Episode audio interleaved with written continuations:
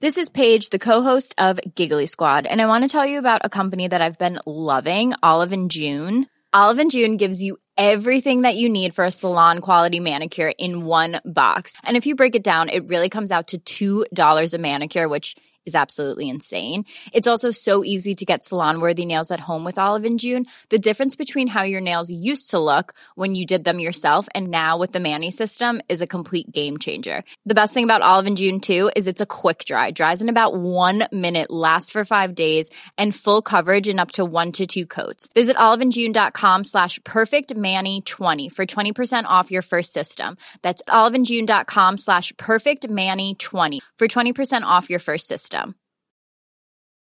Burrow is a furniture company known for timeless design and thoughtful construction and free shipping, and that extends to their outdoor collection.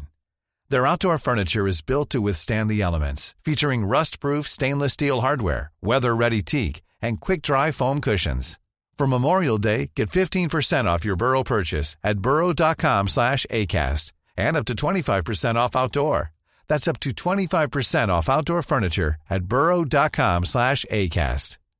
If you're looking for plump lips that last, you need to know about Juvederm lip fillers. With Juvederm Volbella XC and Juvederm Ultra XC, your lip look, whether it's subtle or bold, can last up to one full year with optimal treatment and no additional maintenance. Find a licensed specialist and see if it's right for you at juvederm.com today. That's J U V E D E R M.com. Add fullness to lips in adults over 21 with Juvederm Volbella XC or Juvederm Ultra XC. Do not use if you have severe allergies or a history of severe allergic reactions, or if you're allergic to lidocaine or the proteins used in Juvederm. Tell your doctor if you have a history of scarring or taking medicines that decrease the body's immune response or that can prolong bleeding. Common side effects include injection site redness, swelling, pain, tenderness, firmness, lumps, bumps, bruising, discoloration, or itching. As with all fillers, there's a rare risk of unintentional injection into a blood vessel, which can cause vision abnormalities, blindness, stroke, temporary scabs, or scarring.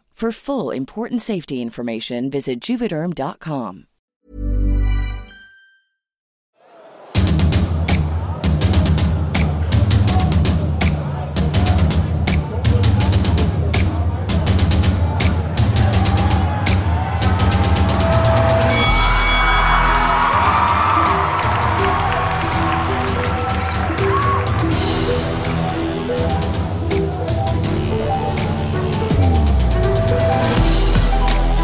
Vi har The Preacher and the Puncher här. Eh, Werner, välkommen tillbaka. Tack. Eh, vi ska prata om ett, eh, ett litet eh, lätt ämne. Vi klarar av det kanske på tio minuter ska jag säga. Eh, lycka. Mm. För, för är det något man vet, om man möter någon på gatan, eh, om jag ser dig, alla har vi någonstans inne, man kan veta något djupt om alla människor. Kanske roten av ens själva existen- existens. Det är att man vill bli lycklig. All poesi, eh, filosofer, religion, allt handlar om lycka. Hur blir man lycklig? Det hade vi tänkt prata om här. Ja, jag är glad att du frågar. Så Werner, kan du svara på frågan? Jo, man gör så här. Nej, eh, så, riktigt så enkelt är det väl inte. Eh, Först kanske man måste definiera vad lycka är för någonting. Precis. För att om man tittar på, om man tittar på folks mål så blir man lyckligare av att vinna på Lotto. Eh, vad är det liksom som skapar lycka? Vad är lycka? Det är också en sån grej. Jag, Är det en känsla? Är det en inställning? Är det ett sätt att leva? Vad är lycka? Det är nog en, eh, en kombination av de sakerna du pratar om där. Eh, Blir man lycklig av att vinna på Lotto frågar du. Jag- tror inte man blir olycklig av att vinna på Lotto i alla fall. Men jag har väl sett, det finns väl lite forskning på det här. Det jag har sett är att det är klart i, i närtid så blir man naturligtvis lyckligare. Men, men, men, men på längden så händer ingenting. Det kan till och med liksom leda till motsatsen. Va? Att man liksom förlorar mål med livet. Va? Och det är samma sak har jag sett forskning på det med folk som ruckar upp för att liksom, ja, men de hamnar i rullstol, de blir förlamade. Det är klart att de blir otroligt olyckliga. Men efter ett tag så vänjer man sig med det och så är det liksom man tillbaka. Man har något sätt att liksom anpassa sig till omständigheterna.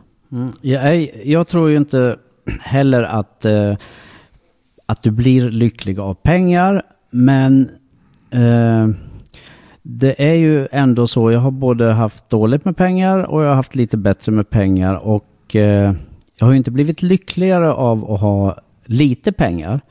Eh, därmed är det inte sagt att man blir lycklig av att ha eh, jättemycket pengar heller. Eh, Men det, för- det, det finns ju lite apro- forskning, mm, forskning på det där att inga pengar, det blir man ju liksom olycklig. Man, lyckan stiger ju med att man, liksom, man får liksom från noll upp. Men sen när man har liksom hus, tak över huvudet, mat på borden. Exakt. Så det visar forskningen att så, när, ehm, upp till en viss nivå så blir du lyckligare av pengar. Men när du tillgodoser dina basbehov, efter det spelar inte pengarna någon roll.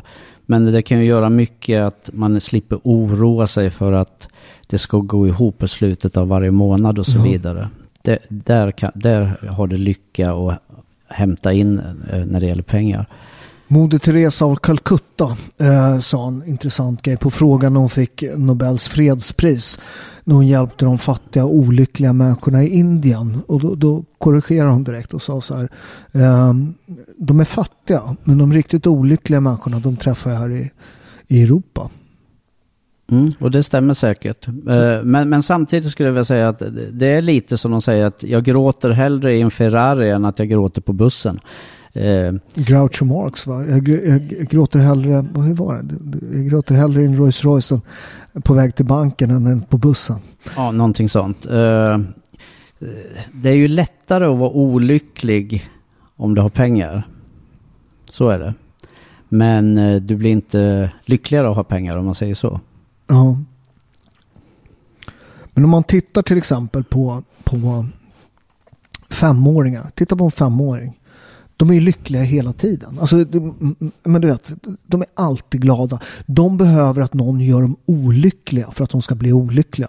Det vill säga att någon säger att de ska gå och lägga sig eller du vet. Eh, man får inte äta choklad när man vill och så, då blir de olyckliga. Annars är de konstant glada. När man blir liksom uppe i vår ålder då, då behöver man någon, någon som gör en lycklig. Det är liksom helt omvänt kort där. Vad, vad, är, vad är det som händer med livet liksom? Ju mer man skaffar på sig utbildningar, jobb, hus. Ju mer grejer man har desto mer eh, har man chans att bli olycklig. Dest, ju mer du skaffar på dig desto mer eh, krav har du ju också på dig och att upprätthålla det som du eh, har, har tillskansat dig. Men sen eh, så, så det kan finnas en frihet i att inte ha så mycket. Just för då har du inte så mycket att förlora heller. Det- spelar ju också in. Om du hela tiden försöker upprätthålla en livsstil eh, där du måste prestera och göra en massa saker för att upprätthålla den livsstilen du har så, så kan det ju säkert skapa en viss eh, olycka och frustration. Det, det är rätt spännande med det här. Jag som hade massa företag och ett glamorous life tills jag eh, köpte en prostituerad. Jag får inte säga fadäsen för dig, eh, Werner. Eh, att, att, att jag var ju fruktansvärt olycklig. Dels av mitt agerande och att jag gjort mot andra människor, min flickvän och allt sånt där. Eh, men också att jag blev av med allting. Jag blev av, jag hade liksom mina företag omsatte 200 miljoner. Men, men rätt snabbt några månader efter det där när man liksom hade slickat på såren och fick börja liksom bygga upp livet igen så fanns det eh, något poetiskt i att börja om naken utan någonting. Det fanns en lycka i det. Att så här, bli av med allting, bli av med alla krav, bli av med alla liksom så här, mm, pissmänniskor i den här mediebranschen och eh, mycket sånt försvann. Och istället fanns det bara en sak kvar, strävan att liksom kunna betala hyran. Och det, eh, alltså på slutändan nu eh, några år efter, fan jag har aldrig mått så bra för man har fått städa upp och städa bort liksom. Och ta, framförallt tagit bort. Det led, har lett i mitt liv till mer lycka att städa bort saker. Ja, det är ju en, eh, en välkänd eh, tanke inom många religioner och filosofier att man ska frigöra sig från tingen och det kan man ju kalla det här företagen och det här i ditt fall. Att eh, det inte går att uppnå någon riktig frihet och eh, därmed också lycka skulle jag vilja säga om man är allt förbunden vid eh, jordiska och materiella ting. Ja men också folks åsikter om en. Jag fick ju så mycket skit där. Och man märker... Du får alltid mycket skit Paolo. Ja, jag vet det. tack, tack för korrigeringen vänner. uh, ja, men jag har en tendens att sticka ut hakan. Men, men jag har ändå så rätt, man har blivit rätt hård med åren liksom, i, i det här. Att skita i vad folk tycker. För jag märkte rätt snart att är du beroende av vad folk tycker om det. Om du bygger ditt liv, din lycka, ditt väsen på vad andra tycker om det. Då är du också då är du en slav. Du är deras slav. Och den dagen du skiter i det, den dagen är du också fri då. Mm, och det har ju att göra med, eh, det, det sätter fingret lite på det som jag tror att lycka handlar om. Att det, det är någonting större, eh, någonting som måste finnas inombords, som inte kommer utifrån och som du ska kunna vila i, i när du är själv. Eh, jag skulle vilja säga att det finns vissa ingredienser som krävs för att man ska bli lycklig. Eller för att jag ska bli lycklig ska jag säga. För jag ska inte lägga på, uh, något raster på andra människor. Vi skulle ge svaret här. Vi, vi ska... jag kan ge svaret på hur, hur jag blir lycklig. Uh, och, då krävs det vissa ingredienser. Och jag tror en viktig ingrediens... Fast vi behöver mer folk som säger jag vet. Jag hatar när experter inom med. De, de, de bjuder in folk som är alltså främsta experterna på liksom ämnen och så bara Ja, men jag, jag, jag tänker att, vadå tänker? Så här är det, ska jag säga. Werner, hur är det? Det är ju så här också, Paolo, att eh, en av de sakerna jag försöker uppnå, det är ödmjukhet. Ja, jag vet. För eh, en av ödmjukhetens frukter är ju att eh, inte behöva framstå så bättre än man är. Nej, så är det. Du har rätt. Eh, och en av så de här, du, du tänker att... att en av de här ingredienserna är mening. Ja att ha en mening till att jag går upp varje morgon, ha en mening till att jag lever, till att jag verkar.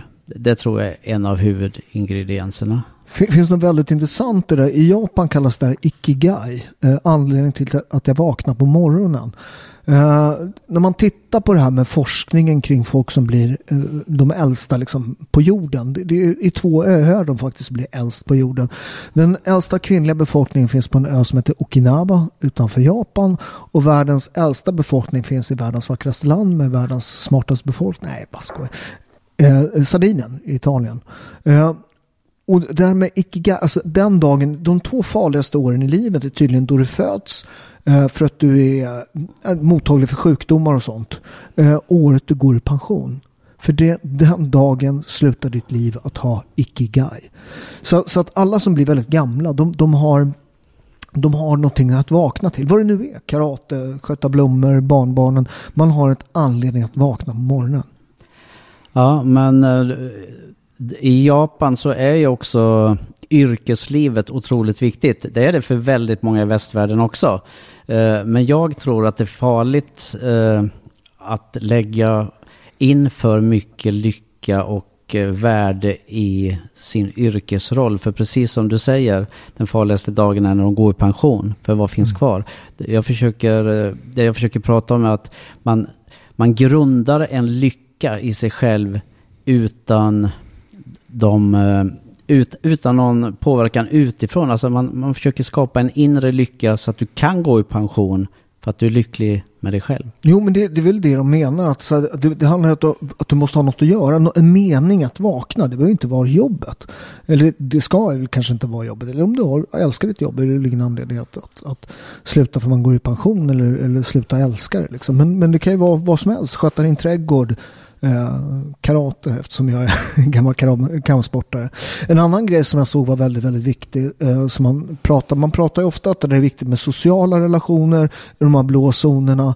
Men om man skriver om det i Sverige så brukar de hoppa en grej som, som är tydligen väldigt, väldigt viktig. Och som alla de här har gemensamt. Eh, Sardinien, eh, Okinawa, Loma Linda finns det en stad utanför Los Angeles tror jag att den ligger som har Amerikas äldsta befolkning. Det är också en sån här blåzon. Alla är religiösa. Väldigt, väldigt religiösa också. Eh, och det där ger väl antagligen livet en mening. Att, att, att, att du, du får lite regler. Och det tror jag att i, i en värld som vi lever i i Sverige, när man säger till barn att du, du, du kan bli vad du vill. Uh, det ger jävligt dåliga strukturer och det ger också en ångest kring liksom. Eh, jag kan bli vad jag vill men det finns liksom ingen, ingen struktur kring det. Och där tror jag religionen är viktig jag är övertygad om att den är viktig för det, det, är i alla fall en sak som har gett mig mening och den spelar också in i de andra ingredienserna som jag har med i det här lyckoreceptet förutom eh, eh, vad sa jag?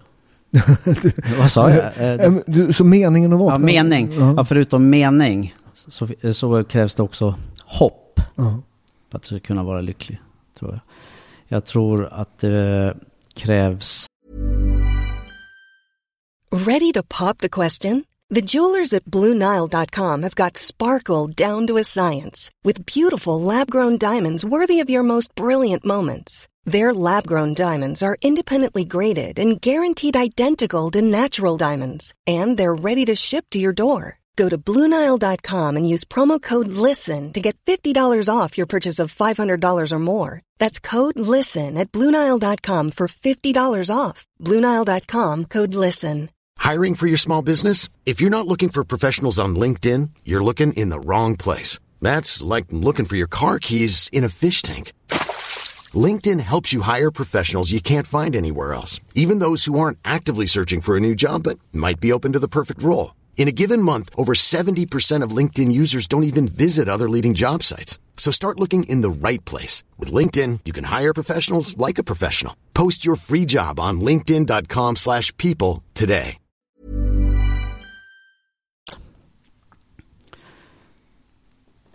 Tro och jag tror att det krävs att du känner förmågan att jag kan påverka mitt liv. Jag såg en undersökning om där lycka, man ska vara försiktig med de där för forskning, vad är lycka och folk svarar olika och vi kanske har andra sätt, sätt att tänka. Men jag tror att svenska sjuåringar eller åttaåringar var de lyckligaste på jorden. Uh, härligt, eller hur? Ja, verkligen. Mm. Men sen så såg man i siffrorna att det sjunker med åldern och sen så är svenska tonåringar bland de olyckligaste på jorden. Uh, och det där tror jag har rätt mycket med det här att göra. Att man så här, Alltså man får inga betyg, eh, man eh, spelar liksom fotboll utan att räkna poäng, det finns inga riktiga vinnare. Eh, du, vet, du är alltid fantastisk. Du vet föräldrarna, åh gud vad fint du har målat liksom. Åh gud, du är liksom Michelangelo här och du spelar fotboll som Zlatan och så och så tror man det hela livet och sen så kommer betygen i tonåren och sen så börjar man räkna poäng och så är man inte Zlatan utan man har två vänsterfötter. Eh, och du är, inte, du är inte Michelangelo utan du ritar streckgubbar. Och då kommer det som en chock liksom. Att, att vänta nu. Så att det har väl också en sån grej att ha, ha alltså förväntningarna på livet måste vara rimliga också. Eh, så är det och sen, eh, sen tror jag att eh den unga generationen har väldigt långt till, eh, till känslor. Mm. Eh, de har svårt att sätta ord på känslor, de vet inte vad känslor är riktigt och det är farligt att ha känslor för man pratar inte om känslor. Man ska bara, som du säger, man ska bara må bra och allting ska vara frid och fröjd. Så, så när, när då inte eh, de unga människorna upplever det här, eh, att allt är så bra och så vidare, och de känner dåliga känslor, så blir de rädda och eh, kan inte hantera det. För, eh, och det påverkar såklart lyckan. Lyckan är ju inom det här känslospannet ändå. Eh, och om du inte kan hantera det, dina känslor så så, så kommer du bli olycklig. Nej, jag läste David Ebenhardt, jag tror att det är i, eh, i är det, eh, i de lättkränktas land eller vad den heter. I hans, jag tror att det är hans första bok som är helt fantastisk. Det skulle vara högläsning tycker jag i riksdagen varje dag i den där boken. Eh, han skriver att när han bestämmer sig för att skriva den boken är att det kommer in en tjej. Jag kommer inte ihåg exakt, det var länge sedan jag läste den här. Men, men han får rätta mig, ge mig smisk. Eh, vad heter det? Eh, han bestämmer sig för att skriva den här. Det kommer in en tjej. Eh, det är inget svårt att ställa diagnos. Hon är djupt deprimerad. Hon behöver medicin. Hon behöver läggas in. Eh, problemet är varför hon är det. Eh, jag tror att det var så att hennes kille, hon hade, hon hade det var inte ens killen som hade gjort slut, det är jag inte riktigt säker på det, men, men, men, men hon hade gjort slut hon mådde så dåligt av det. Så hon hade varit tvungen att bli, bli inlagd och medicinerad. Alltså, när du liksom uppfostrar en ny generation ungdomar som inte klarar av alltså livet, för det där är livet. Eh, det kommer ta slut. Så är det. Och Du, kom, liv, livet innehåller känslor. Så du kommer måste, gråta. mm, du måste lära dig att det finns även dåliga känslor. Eh, för det har, säkert, det har ju också med lycka att göra. För om du alltid skulle vara lycklig så vet du inte vad lycka är. För du vet inte vad olycka är. Ja, men du, du, är på Prozac då eller, eller du är berusad om du alltid är lycklig? Då? Ja, jo, så är det ju. Men eh, det, har du ingenting att jämförelsematerial så kan du ju aldrig avgöra vad det är som lycka och som inte är lycka. Så det, det är ju bara en naturlig del. Och, och jag tror att vi har tappat lite det. Att eh, vi är så rädda för, för känslor. Och eh, därför blir det svårare att bli lycklig också som en bieffekt. Nej, men jag brukar tänka på det, ibland, jag vill säga så här, jag brukar tänka, så är ett bra exempel från Italien. Italien har massa skräp och de har mycket att lära sig från Sverige. Men, men jag tycker att vi har, har mycket att lära oss varandra. Det är två kulturer i Europa som är så olika som den syditalienska och den svenska kulturen. Jag brukar säga, skulle man kunna liksom korsa, korsbefrukta du vet, den syditalienska kulturen med den svenska kulturen, det skulle bli en perfekt varelse, Werner. Syftar du på dig själv nu eller? Nej, det sa jag inte. Det sa jag inte. Gud. Vi pratar om ödmjukhet gjorde vi alldeles nyss. Mm. Nej, men det som jag tycker, tycker är, är alltså det här med döden, smärta, att saker och ting gör ont. Något som jag tycker är väldigt, väldigt, som jag tror är viktigt som man har tappat bort. Till exempel när någon dör i, Syditalien. Jag kommer från en stor släkt. När det är bröllop brukar det komma liksom 500 pers bara från min släkt. När någon dör, och det gör det ibland när jag är där nere, och då får man gå på likvaka. Och det, det är på riktigt hemskt. Alltså, du, du hör hur folk, du hör, folk skriker, du hör ute på gatan när folk dör. Du kommer dit, eh, där ligger då den som är död i sängen. Eh, och det finns på något sätt, för där, där är man så döden är rätt fridfull på det sättet tycker jag. Så man får en blick för det. Och man ser att folk har ont. Det, det, och också har man också begravningståg. Man går genom stan och man ser att folk gråter, det gör ont. Och då när det, det dör folk i ens närhet, så jag tror mycket sånt i Sverige kommer som en chock. Folk bara försvinner och så, och så är det bara tomt. Va? Och så gör det ont och så har man inget sätt att hantera. Man har inga verktyg för att hantera det. Nej, och det är därför vi har svårt att och, uh, hitta lyckan också. Vi behöver både och på ett annat sätt. Och uh, väldigt mycket har att göra med det här relationella du pratade om i de blå zonerna. Uh, vi har ju inte samma relationella kultur i, här uppe i Norden. Nej. Och eh, det påverkar ju. eh, för det är ju ändå i relationen som vi blir till på något sätt. Så därför krävs också den för att bli lycklig. Eh, Men jag, jag, jag, jag, jag, tror, det har ju varit, jag, jag tror att det har varit en, en Alltså man har ju pratat mycket om den här familjen från vänstersidan då, att man, man liksom familjen, kyrkan och sånt där. Det har ju varit ett hot mot liksom, att man inte, om man inte hade en familj som kunde ta hand om en. Så i, i princip så har man avvecklat familjen, man har avvecklat religionen. Man har, tänk bara att ha en kyrka man går och röstar liksom. Det sitter någon i, i, i kyrkofullmäktige som inte ens tror på Gud liksom från vänstern. Va? Eh, så man har jobbat hårt för att liksom ta bort Eh, och det har varit bra för de som kanske inte haft familjer. Det har varit bra för de som inte har trott. Men har tagit bort fundamentet för vad vi har byggt Europa på. Eh, och det är så här, hur mycket än du litar på staten. Staten ska ta hand om mig när jag blir gammal. Staten ska ta hand om mig när jag är ledsen. Men staten har inget hjärta. Jag har sagt det förut i podden. Va? Därför är det viktigt att hålla ihop i familjer. Eller, eller skaffa sig en ny familj med vänner och sånt. Va? Ja, det, det relationella är, är, tror jag, en av de avgörande ingredienserna också i lycka. För, och det har man ju vetat länge. Eh, exempelvis på forngrekiska så finns det ett ord som heter prospone och eh, det betyder ju person. Men eh, om man använder det i verbformen så betyder det att vända sitt ansikte till den andra. Du är en person alltså när du vänder ditt ansikte mot den andra. För det är i relationen vi blir till. När vi möter den andras blick. Det finns en del i den protestantiska mässan. Jag går inte så ofta i, i protestant. Jag vänder mitt ansikte mot dig. Nej, det är något. Nej, jag kanske var helt Du- fel. Du tänker på välsignelsen Ja. kanske? Ja, det är jag. Hur- Hur är den? Herren välsigne dig och bevara dig. Herren vänder sitt ansikte till dig. Ja, och så vidare. Jag tycker den är, jag, jag, gillar, alltså det, jag är ju jag är katolik men jag är uppväxt i Sverige.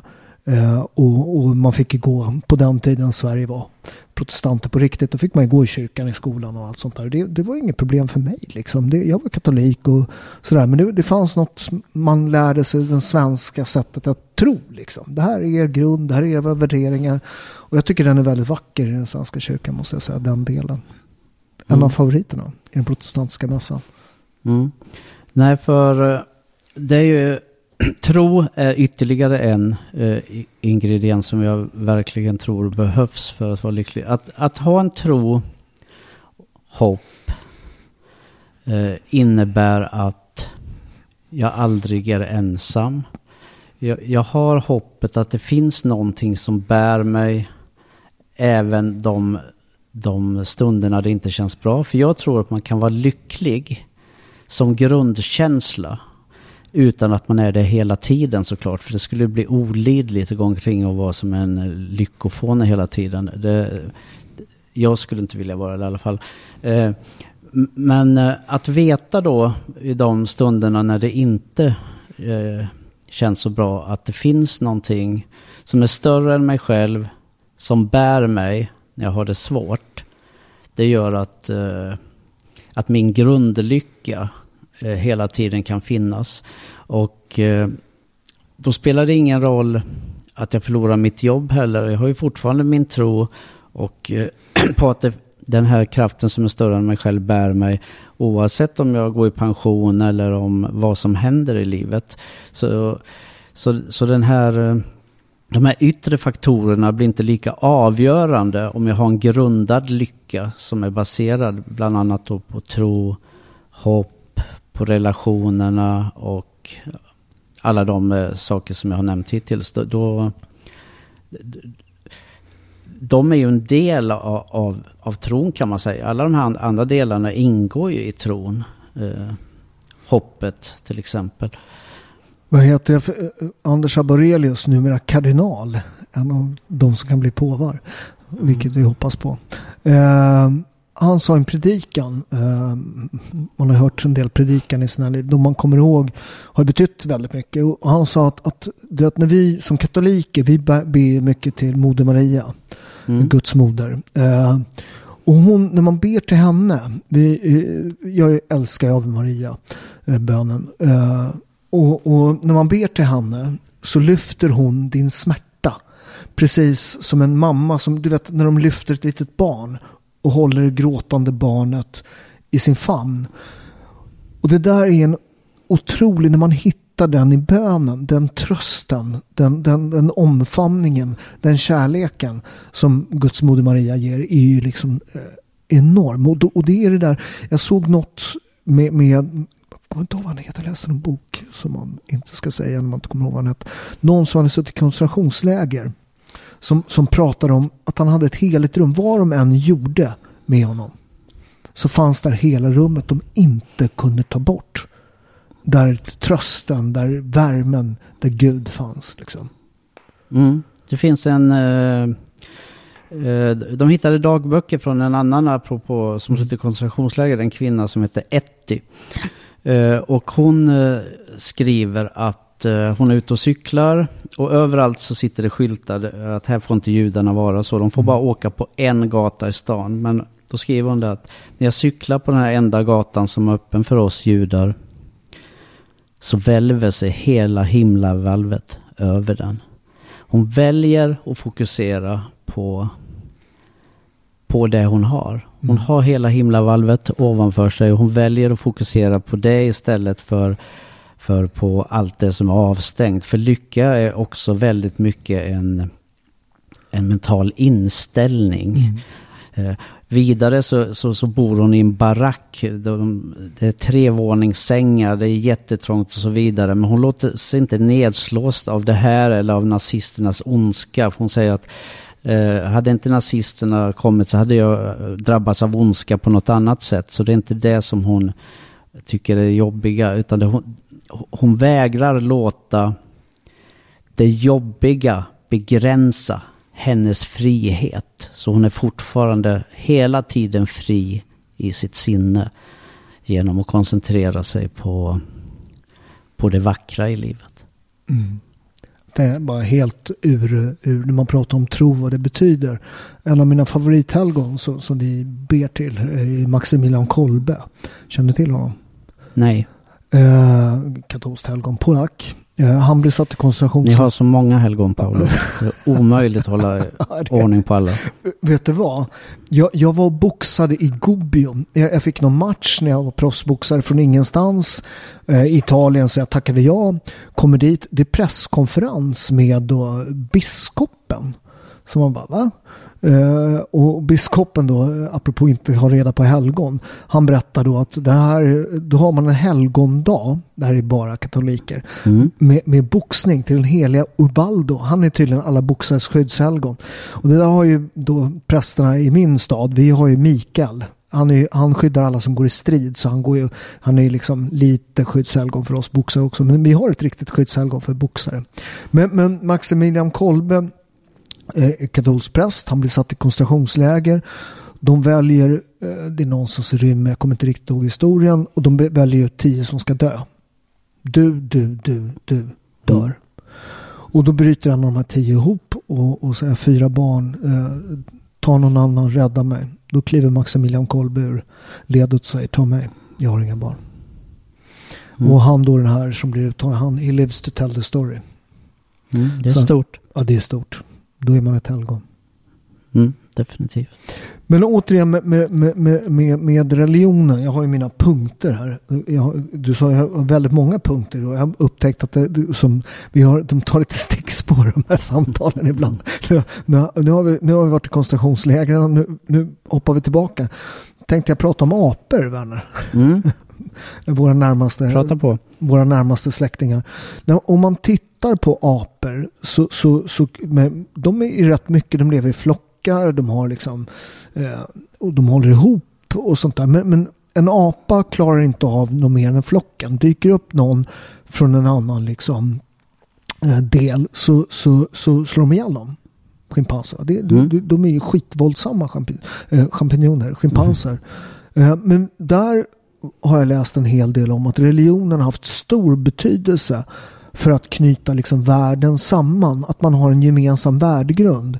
Jaha, men du är kristen, det är jag också. Eh, och är inte det lite vi har börjat tappa bort i, i, en, i en, en värld som blir allt mer konfrontatorisk. Liksom. Det är så, man har grävt så djupa skyttegravar att man inte kan förlåta sina politiska motståndare eller liksom någonting. Att vi har liksom ingen gemensam grund att stå på. Det är ju nog framförallt det att vi inte har någon gemensam grund som har försvunnit i och med upplysningstiden kan man väl säga på, på 1700-talet. För eh, det är ju ändå så att om allting bara är materia då kommer ju, som naturvetenskapen hävdar, då mm. kommer ju saken i en helt annan dager. Och det blir en väldigt konstig värld tycker jag. Eh, om, om, allt är materia, var ska vi hitta meningen? Var ska vi hitta hoppet? Var ska vi hitta någonting egentligen? För är det inte det också ett problem med modern värld? Att man försöker lösa emotionella saker intellektuellt. Va? Eh, alltså att närma sig emotionella saker måste man göra emotionellt och där är ju tron ett verktyg om man nu tror, eller om man mediterar, vad man nu gör. Att man måste närma sig, det är lite min, min, min, min kritik mot protestantismen, att man, att man försöker intellektualisera något som inte är, alltså det är emotionellt. Va? Och där har ju liksom katolska kyrkan, det man tog bort mycket i de allra mest. Sen har ju Sverige behållit mer än andra protestantiska länder. Men att man närmar sig mysteriet med mysterium liksom. För det är ett mysterium. Jo, men jag tycker att eh, Svenska kyrkan har mysteriebilden väldigt framträdande måste jag säga. Så, och eh, livet är ju ett mysterium så ja. Mm, så är det. Ja, du, du håller inte med mig där? Jo, nej inte riktigt att, att eh, framförallt inte Svenska kyrkan. Eh, den tycker jag framhäver mysteriet väldigt, väldigt eh, starkt. För, för hela kristendomen är ju en slags paradox kan man säga. Mm. himmelriket är här fast ändå inte riktigt här och så vidare. Så det finns många paradoxer och mysterier i, Mm. i tron. Vad de säger, miraklet är, är alltid tillräckligt tydligt för att den som ska tro ska kunna tro. Och den som tvivlar ska fortsätta att tvivla. Ja, det, Läste det kan nog stämma. Väldigt bra. Men, men det är inte en annan grej det här med, med om vi ska till, bara dribbla tillbaka till det här med ungdomen och, och det nya sättet att leva. Att också att, att, att idag så får man tillfredsställelse på tv. alltså man, folk är så fast i sina sociala nätverk. Eh, jag jobbar ju själv rätt mycket med det och, och inser farorna med det. Liksom man, man, man lägger ut en bild och så får man eh, massa likes och så skapar det endorfinkickar. Eh, något som på något sätt var skapt för att vi skulle vara i en stam. Vi skulle göra bra saker för stammen och då visade folk tacksamhet och då fick man en endorfinkick när folk tyckte om en. Det är ju liksom eh, det är ju så den ska användas. Men nu lägger man upp eh, och det, det, jag är också skyldig till det där. Jag är väldigt liksom, man får mycket likes på åh gud så känns det lite bra, nu var jag duktig. Men vad har jag gjort? Jag har lagt upp en bild liksom. Ja, fast det har ju blivit tvärtom istället. Att nu mår ju folk dåliga för att de inte får tillräckligt många likes. Det har ju blivit en sorts prestation i att få Precis. många likes. Precis. Så, så, så det har ju blivit tvärtom. Eh, Plus att den nya tiden är ju en sorts eh, valfrihetens tyranni kan man ju säga. Eh, Det finns så otroligt många val som människan måste göra varje dag. Det finns alldeles för många val så, så vi inte, våran hjärna är inte skapad för så här många val. Våran hjärna är skapad för, den är fortfarande i, i, i samma skick som när vi levde på savannen. När vi hade valen att eh, fly, eh, eh, freeze, vad är det? Flight, freeze. Fi- Fight and flight and rest and digest. Nej, men fi- fight, flight and freeze. Ja, just, just det. Just det. De tre hade vi som val i stort sett. Eh, Och nu ska vi fatta hundratals och, eh, beslut varje dag. Och vi måste välja och vraka mellan olika saker och vi kan välja fel. Och... Så det ligger en stor börda på de unga. Alltså de har ju mycket större valfrihet än vad du och jag, gamla, av våran generation, som hade två tv-kanaler och vi var ju mycket begräns mer begränsade i våra Du menar på den val. tiden Sverige var en kommunistdiktatur? Nej, jag menar på den tiden då Sverige var ett folkhem. kommunistdiktatur. Eller när, när, folkhem. när, när vi var tvungna att titta på polska te- tecknade kommunistserier. Jag älskade polska dockteatrar. Ja. Herregud.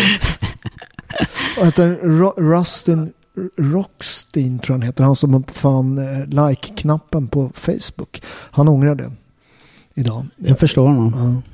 För att det finns ju något i det där som är rätt eh, tomt liksom. Ja, det är ju det som också leder fram till det här dåliga måendet som, som sen de unga inte kan sätta ord på. Det är ju bland annat den här oerhörda Instagram-stressen som, som driver dem att försöka lägga fram en eh, bild på nätet som uppvisar någonting som inte stämmer med verkligheten. Och att hela tiden leva eh, med vissheten om att jag visar upp någonting som bara är en lögn gör att många mår väldigt, väldigt dåligt. För de kan inte vara sanna mot sig själva.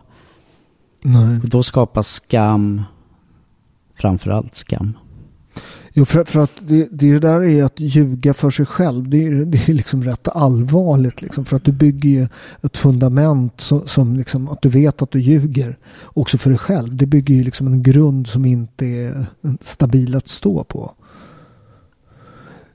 Vi har haft lite, lite, jag tycker, jag ska inte nämna någon namn, det finns ju en del av de här influencersna som har gjort en del läskiga saker på sistone liksom och fått så mycket skit. Och jag, jag tror att folk inte ens tänker efter. Det är ju så jävla viktigt att skapa den här content, liksom ständigt vara aktuell, ständigt göra något roligt, eh, ständigt göra något liksom. Och det där är ju, alltså jag, jag, jag jag lever ju stort sett rätt mycket på mina sociala nätverk och mina liksom, Instagram, Twitter och Facebook och, och YouTube. Liksom. Det är där jag gör reklam för mina produkter som ni kan köpa på robertos.se. Kalmia, är de goda? Mm, det är de väldigt goda. Mm. Vet du. Härligt. Vad heter det? Eh, eh, men men det, det, det, blir ju också den här ständiga liksom konkurrensen att göra något lite, lite roligt, lite edgy. Och ibland kan det gå riktigt, riktigt fel. Va? Mm. Men du får ju också väldigt dålig självkänsla om du nu lever ett liv utåt som du inte eh, lever på riktigt och du inte kan vara sann mot dig själv. Och eh, självkänslan är också en av de här ingredienserna för att du ska kunna vara lycklig. Eh, om du inte har någon självkänsla så, så kommer du inte bli lycklig. Nej, så är det. En rätt spännande sak med det där, det, det är när man, när man har mål i livet. Eh, men som jag hade ju mål att ta titlar och bli svensk mästare från början. Eh, och det är ju rätt spännande när man väl, när man väl tar den där titeln första gången man blir svensk mästare och, och sådär. Och så har man liksom jobbat på det liksom i, i, i tio år. Alltså varje dag. Eh, som proffstränare två gånger om dagen. Två gånger om dagen kämpar jag för att ta mitt, mitt, mitt mål. Och så kommer man dit. Du når dit du har siktat. Så är det bara tomt. Ja. Och det, det där finns, det, man får ju sån posttraumatisk stress. Det finns ju jättemånga du vet, folk som vinner OS och allt sånt där. Och även jag, så man blir helt tom. Man vaknar upp nästa morgon, man går ut på gatan. Liksom samma liksom gata. Det är samma, samma 7-Eleven ute på gatan. Liksom. Ingenting har hänt. Du är samma person. Det är därför jag förespråkar att man hela tiden jobbar mot en riktning istället för mot mål. Därför om du jobbar mot en riktning så, så, så uppnår du inte den här tomheten. Jag exempelvis tränar hos en, en, en PT Mm. eh, som heter Paolo Roberto. Och eh, jag har en riktning att bli bättre Mm. på att stoppa händer. Jag har en riktning att bli bättre på calisthenics. Mm. Ja, det räcker för mig och jag blir bättre hela tiden. Fan, du, du kan ju stoppa händerna för fan. Mm, jag blir bättre. Men eh, hade jag haft som mål att kunna stoppa händer, jaha, då hade jag redan uppnått det och Mm. då hade det förmodligen bara funnits tomhet kvar. Därför förespråkar jag att om man har en riktning istället, som man jobbar efter hela tiden, Mm. så, så kan man undvika den här tomhetsfällan. Precis, nu, du är en av mina kunder jag skryter med Werner. Du, du, Tack. Du var, du var inte i jätteform när du kom hit första gången. Och idag Nej. kan du stå på händer. Det är, det är fan grymt. Jävlar vad vi har, vi har kämpat ihop. Mm. Eh, och Werner har hjälpt mig rätt mycket med, med att och, och bli ödmjuk. Ja, det har gått sådär. Men jag jobbar på det. I, på, i, på japanska kallas ju vägen do. Taekwondo, judo, karate do. Eh, och, det, och där är ju en väldigt, väldigt liksom viktig del. Alltså målet är inte det som är viktigt utan det är själva vägen. Och i vägen finns lyckan också. Har jag. Det, det, alltså det vet man ju själv när man har liksom jobbat. Man ska köpa någon grej, första bilen och sånt där. Och det, hela den här förväntan, spänningen, den är ju större än när man får den här jävla bilen. Sen börjar man längta efter en ny jävla bil. Tittar man på grannens bil. Fan, han har, en Porsche skulle jag för sig aldrig köpa. Jag har ju bara kört, kört ett, ett eh, bilmärke i mitt liv. Mm.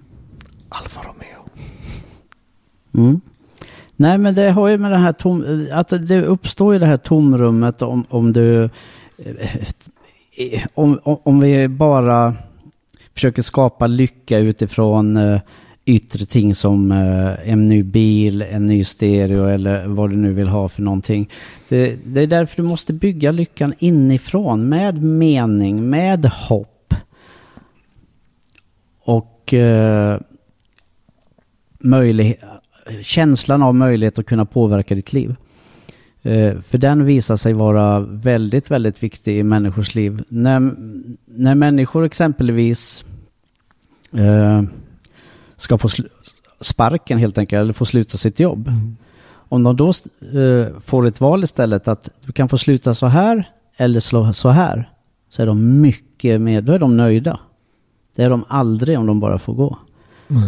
Bara ha möjligheten att vara med och påverka eh, riktningen på ens liv gör jättemycket för välmåendet och lyckokänslan. Okej, nu har vi pratat i... Jag måste sätta på mig glasögonen och se. Snart, ja 40 minuter har vi snackat. Uh, nu ska vi riva allting tänkte jag så vi har pratat om ödmjukhet. Vi har pratat om att inte ha för höga förväntningar på livet. Eh, vi har pratat om att vara nöjd. Problemet i hela den ekvationen det är att liksom, om vi hade varit nöjda med vårt liv. Om vi hade bara jobbat på det sättet från början, då hade vi varit kvar i grottan. Mm. Men nu handlar det inte om att vara nöjd Paolo, utan jag skulle vilja säga att det handlar om eh, eh, acceptans.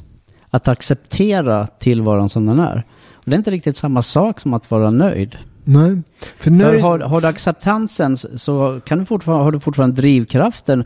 Eh, jag skulle vilja säga att jag har egentligen lösningen på hela lycko gåtan. Varför har du väntat i 40 minuter? Jag sa ju till ja, dig att fixa jag, direkt. Så ja, nej, på, jag vill hålla lite hade på folk det. inte behövt höra det här tjafset i 40 minuter utan det hade gått på två minuter. Få höra nu. Ja, den är så här. Gud, ge mig sinnesro att acceptera det jag inte kan förändra. Mod att förändra det jag kan och förstånd att inse skillnaden. Där har du det. Den acceptansen att, uh, att förändra, uh, acceptansen att uh, inte förändra utan men, acceptera, acceptera det, det som inte går att ändra. Ja, att, kan du göra det så kommer du bli mycket, mycket lyckligare. Oh. Att inte stånga huvudet blodigt i väggen hela tiden för att få din vilja fram. Och då är vi åter inne på det här med med, med tro och hur man förhåller sig till livet. Att eh, man måste min, minimera egot, man måste bli lite ödmjukare. Det behöver inte alltid vara på mitt sätt, utan jag måste kunna acceptera att, att saker och ting inte sker på mina villkor hela tiden. Eh, men du måste också kunna förändra om, om saker som, som du mår dåligt av. Och då, då, då är det bara att be om modet att kunna göra det. Och eh, förståndet då att veta vad du kan förändra och inte förändra. Om, om du lever utifrån det så, så kommer man, eh, kommer ju, jag har i alla fall blivit mycket lyckligare när jag har gjort det. Mm. Men det är väl grund, en grundinställning. Det är, ju, det är också stoicismen lite grann i det där. Liksom Marcus Aurelius och, eh, som är en filosofisk eh, riktning som jag tycker väldigt mycket om. Som har en del eh, liksom kristendomen eh, liksom stöt i varandra lite grann i, i tankesättet där. Men, men, men, exakt, det är ju där man måste liksom acceptera det som inte går att... Det där är ju något som jag också har varit väldigt så här med, med med mina barn att så här, vissa saker, så är det. Livet är inte rättvist. Ibland får man acceptera det. Uh, det är verkligen inte rättvist. Nej, och livet är ofta tufft liksom. Uh, och det, det är det där liksom att, att inte uppfostra barn och sig själv med, med lite, lite ryggrad, eh, lite, eh, lite, lite valkar på själen. Liksom, att, man, att man tål. Att det, att, för livet är ju liksom, det kommer stöta till en, det kommer göra illa en. Det kanske man ibland är nere för räkning. Men att inse att livet är så. Och att det alltid går att ändra. Mm. Och du kan vara lycklig under tiden även fast du är nere för räkning. Kan du ha en grundlycka? Mm. Skulle, det hävdar jag bestämt.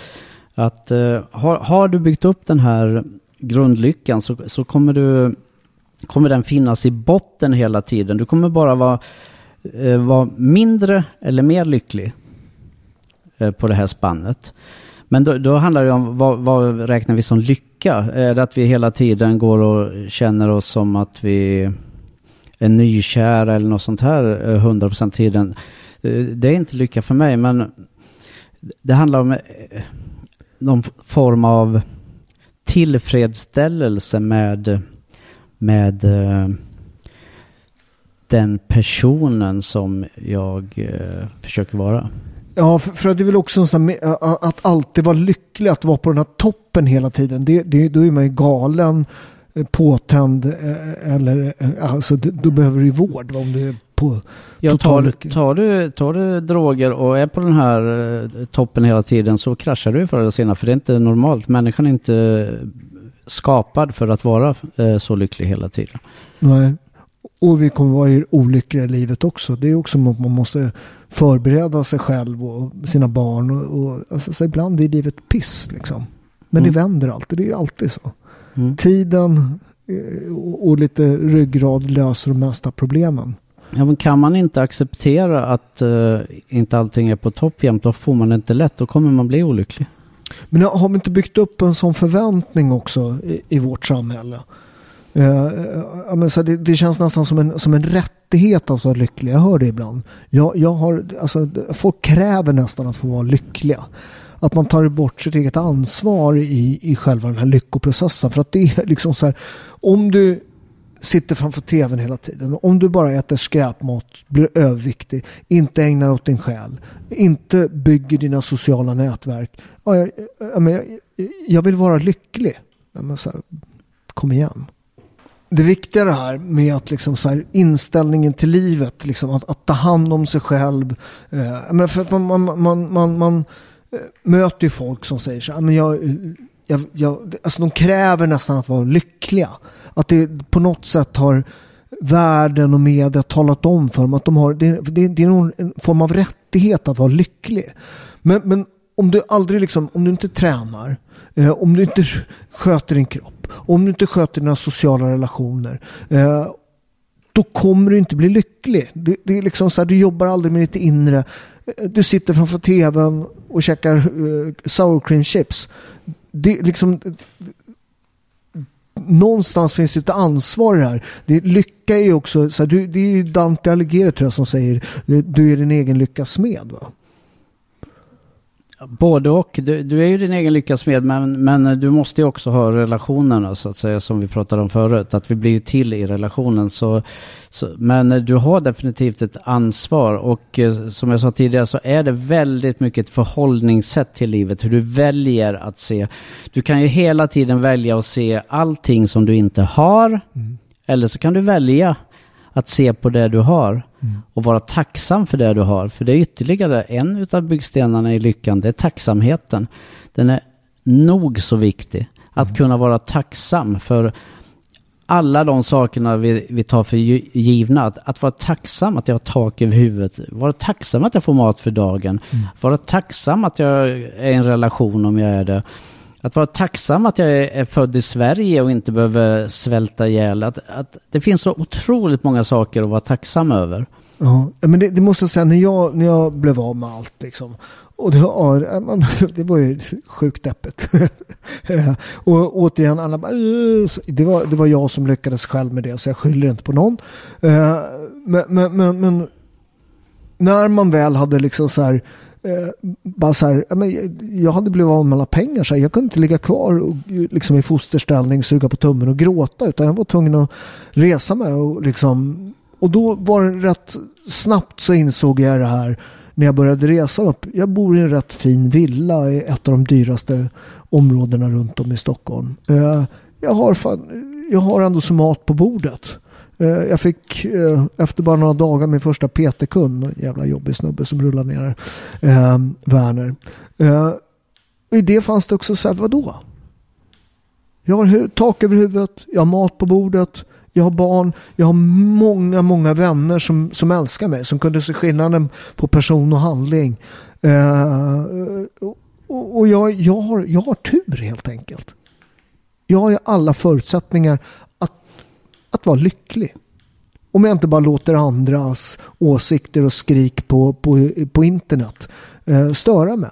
För jag måste säga, jag har ju fått rätt mycket hat och allt sånt där. Med, med rätt och sådär. Men, men det finns mycket sådana tangentbordskrigare. De har alltid funnits i mitt liv. Men Jag, så här, jag har under de här åren sedan jag, sedan jag, sedan jag, sedan mitt sexköp. Det finns inte en enda människa som har kommit fram och sagt in my face. Jag tycker du är en gris. Däremot så är det många folk som har sagt alltså du är ju dum i huvudet. Men eh, det har gått för långt det som har hänt dig. Liksom. Det, det, det, det, det, det finns liksom ingen rim och reson i, i stå på dig grabben. Liksom. Eh, så att det, det, det, det på något sätt eh, också sätter tonen för att, att det finns folk som kan se skillnad. Och i det fick jag också styrkan att så här, ja, men resa med att, att, att eh, Eh, och det vet jag är den första meningen du sa till mig när du kom ner. Jag bara, du, du vet vad som har hänt mig. Och då, vad var det du sa då, Werner? Då sa jag att jag är kristen så jag kastar inte första stenen. Mm. Den, eh, jag har sagt det förr, den är rätt spännande den. Jag gillar den liknelsen eh, eftersom jag är syndare själv. Eh, som vi alla. Eh, eh, Guds son, Jesus säger den som är fri från skuld kastar första stenen. Och då går ju alla de här fariseerna. Men när alla har gått så är han kvar då med hon äktenskapsförbryterskan. Och så tar han hennes händer och säger jag dömer dig inte heller. Gå nu och synda inte igen. Inte hans, hans Guds son dömer. Eh, men men, men, men eh, vad vill jag komma med det? Nu var du inne på förlåtelse Ja. och försoning. Ja, ja, jag, jag jobbar fortfarande. Det kommer, det kommer vara, det kommer vara en, en livstid innan jag är klar Fast du med var inne på tacksamhet. Ja, precis. Allt det du hade att vara tacksam för trots att du, det du råkade ut för. Precis. Och, och, och i det liksom, men om man har varit i, i, i liksom de här, när jag gjorde Robinson, fattiga länder, man ser ju få så glada människor. Jag tänker på min äldsta släkting nu, hon dog ja, förra veckan. Eh, Hundra år och några dagar blev hon. Eh, hon, var, hon, hon, hon var väldigt nöjd med livet. Eh, hon eh, bodde själv med sin syster. Systern, de, de var änkor då tidigt. Och, och systern dog, hon blev väl 98 tror jag. Och, hon blev, och, och de, de spenderade inte en spänn. De levde på, vi är bönder. Så de hade ju liksom egen mark och levde på det. Hon tvättade till och med sina kläder i aska. Faktiskt mamma som sa när, när, när hon ringde upp och sa att de var döda. Eh, hon bara sa, du vet att de tvättade till och med kläderna i asken. De spenderade inte en spänn. Eh, och var supernöjda med livet. Vi har en bakgård eh, där min släkt träffas varje kväll. Eh, eh och där man liksom sitter i generationer och pratar. Och det finns något, liksom, att ha en tillhörighet på det sättet det är ju stort liksom. Mm. Jag tänker också på det med, med när jag jobbade som mest och hade liksom 13 företag och allt sånt där. Eh, var på tv, åkte runt och föreläste.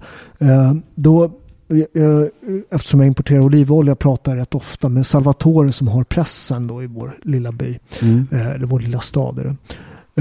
Och han sa alltid ibland, han bara, var är du någonstans? Nej men vart och föreläste, jag står här på tågstationen i Skövde. Och nästa var det då, Nej i Göteborg, jag står på tågstationen och du vet. Och alltid lite stressad någonstans. Och han, han brukar alltid säga så här, han bara, han bara sa, jag förstår att du har ett otroligt stimulerande liv.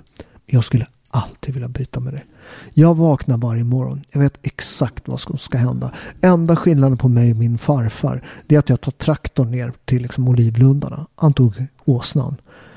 Eh, och i den liksom förnöjsamheten på livet, de, de är ju lyckliga där. Liksom, de mår bättre. Mm, men det är ju en inställningssak väldigt mycket som jag varit inne på. Det går inte att komma ifrån. Och du kände ju också, vet jag, sa du till mig att, eh, tidigare att eh, du kände en sån befrielse.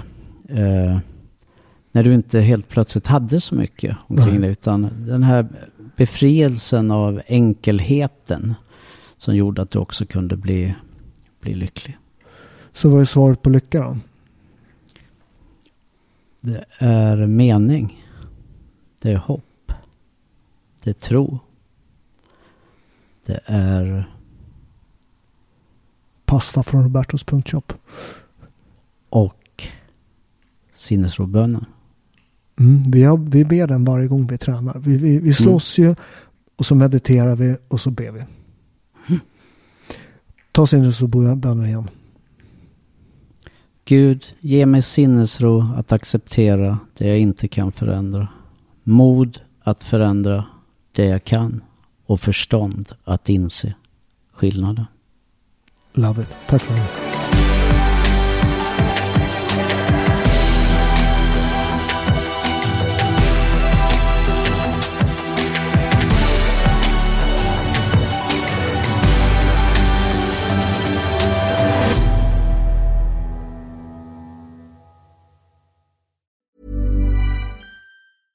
Imagine the softest sheets you've ever felt. Now imagine them getting even softer over time. That's what you'll feel with Bowl and Branch's organic cotton sheets. In a recent customer survey, 96% replied that Bowl and Branch sheets get softer with every wash. Start getting your best night's sleep in these sheets that get softer and softer for years to come. Try their sheets with a 30-night guarantee. Plus, get 15% off your first order at bowlandbranch.com. Code BUTTERY. Exclusions apply. See site for details. Planning for your next trip? Elevate your travel style with Quince. Quince has all the jet setting essentials you'll want for your next getaway, like European linen, premium luggage options, buttery soft Italian leather bags, and so much more. And is all priced at 50 to 80% less than similar brands. Plus, Quince only works with factories that use safe and ethical manufacturing practices. Pack your bags with high-quality essentials you'll be wearing for vacations to come with Quince. Go to quince.com slash pack for free shipping and 365-day returns. Planning for your next trip? Elevate your travel style with Quince. Quince has all the jet-setting essentials you'll want for your next getaway, like European linen, premium luggage options, buttery soft Italian leather bags, and so much more. And is all priced at 50 to 80% less than similar brands. Plus, Quince only works with factories that use safe and ethical manufacturing practices. Pack your bags with high-quality essentials you'll be wearing for vacations to come with Quince. Go to quince.com slash pack for free shipping and 365-day returns.